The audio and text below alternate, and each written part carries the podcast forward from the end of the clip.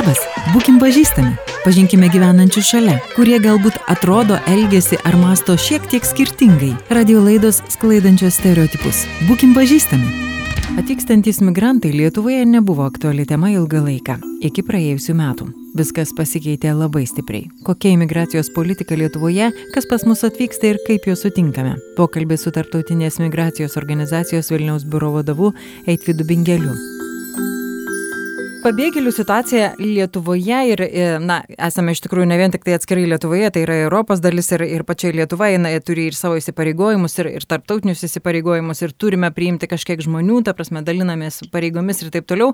E, dažniausiai taip ir vyko, pabėgėliai ir būdavo galbūt ta dalis, kurie, kurie ateidavo per ES, visiškai pasikeitė situacija per pastarosius porą metų, ypatingai, e, kuomet ir iš Baltarusijos užplūdo ir karas Ukrainoje ir įvairios tokios aplinkybės, kurios visiškai pakeitė situaciją situacija Lietuvoje ir tai, ko mes buvom nematę, iš tiesų nutiko. Tai papasakokit šiek tiek, kaip tie srautai atrodo Lietuvoje, iš kur žmonės atvyksta, kaip tas vyksta ir, ir kokią situaciją turim šiandien. Pirmą kartą po nepriklausomybės, aš sakyčiau, mes pradedam patirti tokį poveikį, kai mes e, mūsų visuomenėje imigracija į šalį pradeda aukti, didėti ir taip pat pradeda sudaryti labai reikšmingą dalį. Nes po nuo pat nepriklausomybės e, mes turėjome visą laiką tokio labiau e, iššūkių su išvykstančiais mūsų šalies piliečiais į kitas dažniausiai ES šalis dėl įvairių priežasčių. Iki dar prasidedant COVID 2019 metais mes pirmą kartą turėjome pozityvę migraciją į Lietuvą, tai apimant tiek užsieniečius, tiek e, trečių šalių piliečius atvykstančius, ES piliečius taipogi atvykstančius. 20-aisiais jau kaip COVID ir COVID buvo pasiekmė ir dar Brexitas tikėtina prisidėjo, kad mes turėjom jau atsirado pozityvi netgi ir lietuvių emigracija, kuri ypatingai pasiskirsto ne tik tai didžiosiuose miestuose, kaip yra sakoma, bet e, ir keliauja ir į kitas uh, regioninės savivaldybės, kas yra svarbu. Kai mes e, taip šiek tiek pasižiūrėtume iš e, kelių metų perspektyvos, tai prieš kokius 4-5 metus, jeigu aš nesuklysiu, mes turėjom apie 40 tūkstančių užsieniečių gyvenančių trečių šalių piliečių Lietuvoje, kai jau Liepos mėnesį šiais metais, Liepos 1 oficialiai migracijos departamento duomenimis, tai yra daugiau negu 145 tūkstančiai. Tai yra E, daugiau negu 5 procentai mūsų šalies populiacijos. Tai yra tikrai reikšmingi pokyčiai ir e, taip, taip, taipogi prie to ir prisidėjo ir Ukrainos situacija, e, nes taip, jeigu pasižiūrėjus su praėjusiu metu panašiu laikotarpiu, tai padidėjimas yra apie 60 procentų. Tai reiškia, dešimčiai žmonių buvusių užsieniečių dar po šešis atvažiavo kiekvienai dešimčiai. Tai tikrai yra pokyčiai didžiuliai ir dar iki viso šito netgi karo mes turime kuo toliau, tuo labiau augančią ir e, darbo migraciją, kad e, į Lietuvą atvyksta trečių šalių piliečiai e, dirbti įvairiose sektoriuose ir ką mes turbūt dažnai girdime ir viešoje erdvėje, kai darbdaviai šneka, įvairūs, įvairios institucijos, kad Lietuva susiduria su darbo, darbo potencialo iššūkiais. Tai vienas, viena iš dalių.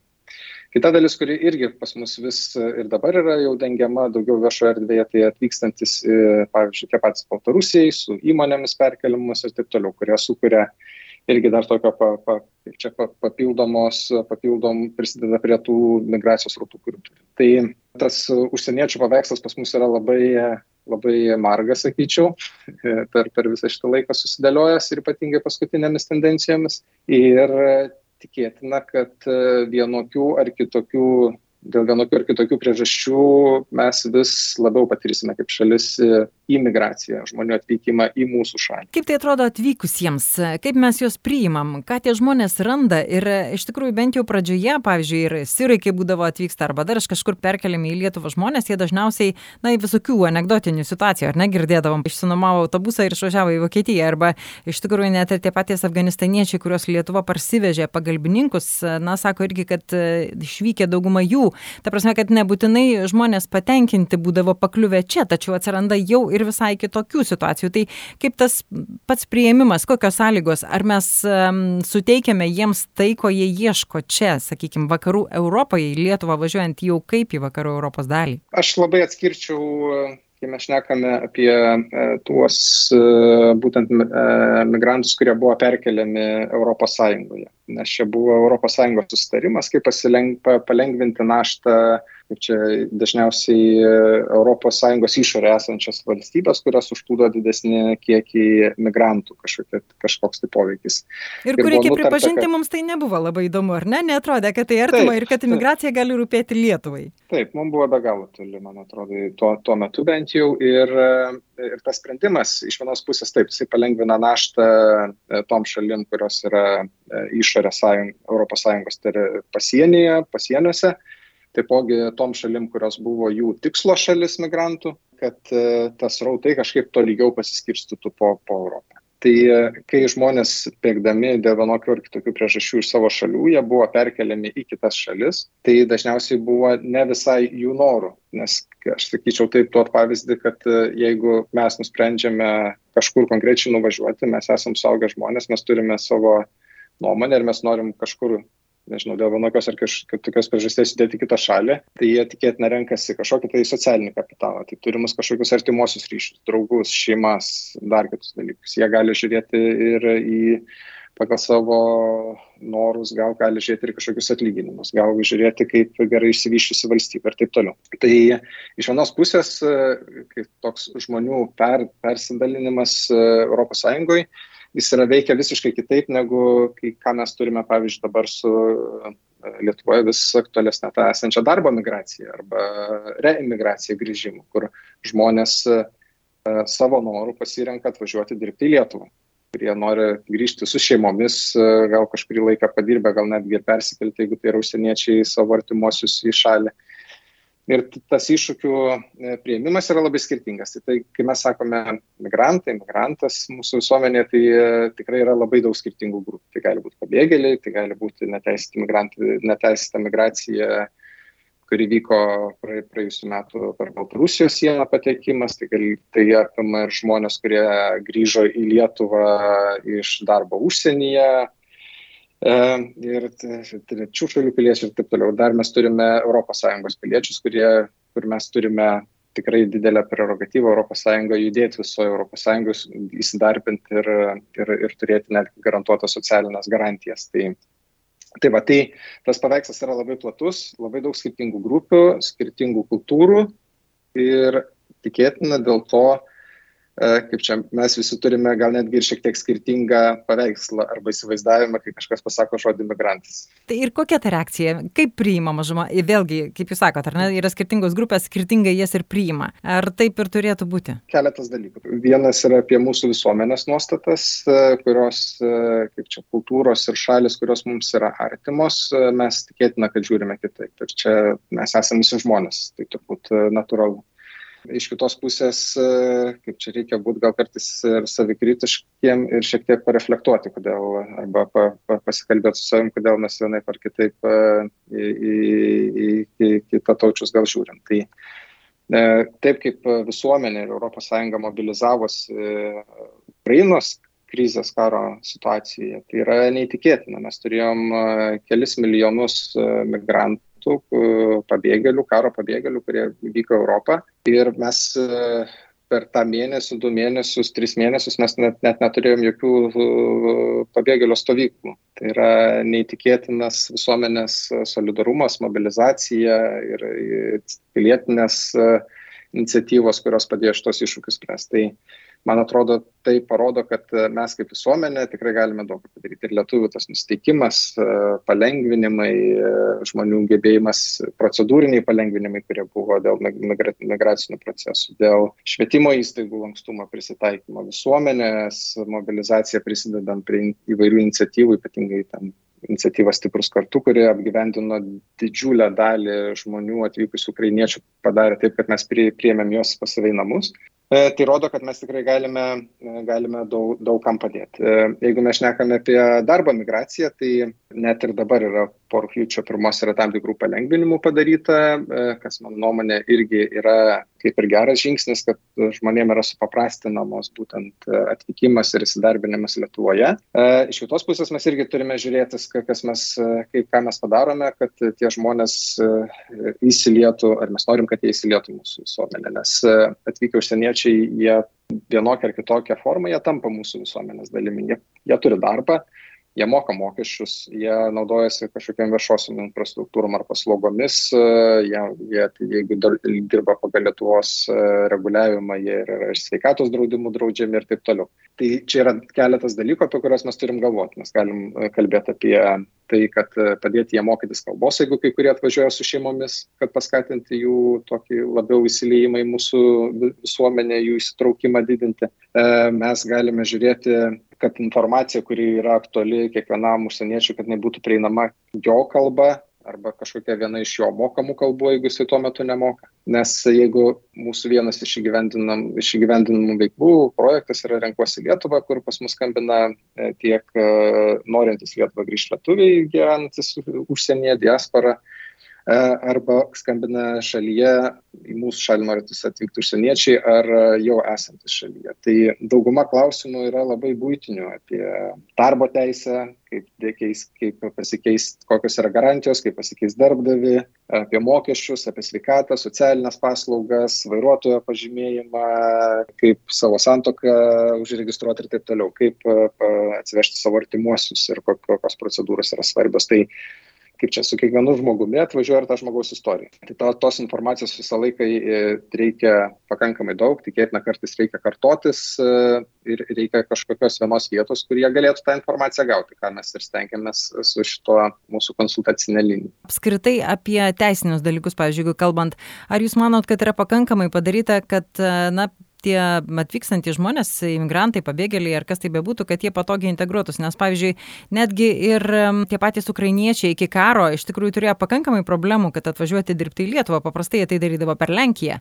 E, įsidarbina Lenkijoje ir atvažiuoja į komandiruotę ar dar ten kažkaip tai, ta prasme, kad ta teisinė bazė nebuvo palanki, nes ir, ir, ir kaip jūs tai matot, nes vis tiek tai vyksta, bet kuriu atveju atvažiuoja, bet štai vat, per kitą gretimą šalį arba dar sugalvojami kažkokie tai apėjimai. Kaip tos sąlygos, pavyzdžiui, kad tikrai dirbti, nes, na, pirmoji eilė, norint, kad žmogus jaustųsi gerai, tai jisai turi pradėti dirbti automatiškai kolektyvas, kalba ir taip toliau, visa tai dėliojasi jau toliau, ar ne? Tai kaip tas atrodo? Taip, darbas yra vienas svarbiausių momentų. Taip. Čia net e, taip e, ir klausytojams, kurie klauso, tai turbūt irgi savai aišku, kad e, kai pradedi dirbti, nuo to jau ir kaip čia skaitomės, kad labiau dalyvaujame taip. visuomenėje.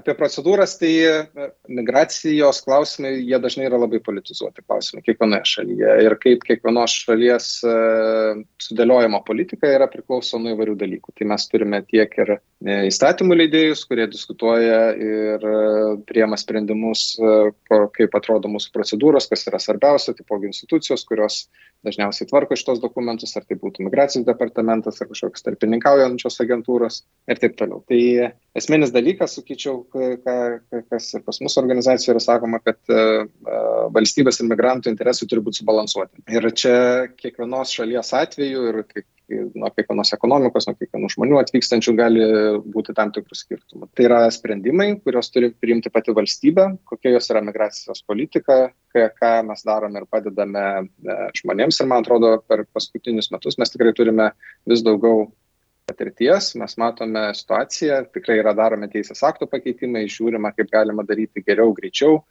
mes turime netgi ir su ukrainiečių situacija matymą, kaip net ir valstybinės institucijos lankščiai reaguoja, priimdamas, pavyzdžiui, į konsultacijas, ten, nežinau, pavyzdžiui, žimtumo tarnyba priėmė savo konsultacinę liniją ukrainiečius, kurie padeda įsidarbinti ukrainiečiam, ar tai policijos policijos departamentas priemais pas save darbuotojus ukrainiečius, kurie padeda dirbti su bendruomenė ir taip toliau. Tai, man atrodo, vis kūrėsi naujų praktikų, kurios yra reikalingos ir niekad, nėra ne vienos šalies, kuri turi tą magišką piliulę ar magišką raktą pasakyti, kaip čia kas turi būti. Tai, man atrodo, mes turime susirasti Lietuvoje savo tą kelią, kuris yra priimtinas mūsų visuomeniai ir, ir mūsų valstybei ir kad tas santykis, kaip čia būtų kiek įmanoma daugiau kuriantis naudos. Iš tiesų, matyt, vis dar ieškam to, to kelio ir, kaip jūs minėjote, yra politiniai sprendimai, o politiniai ciklai irgi kinta kas ketveri metai ir kinta ir tas požiūris tiek pat ir šitą klausimą. Bet kalbant apie ateitį, na, Lietuva nėra vien tik tai automatiškai pati savo planuojant, ar ne, nors tai yra tam, tam tikra politikos dalis ir Lietuvos, bet vis dėlto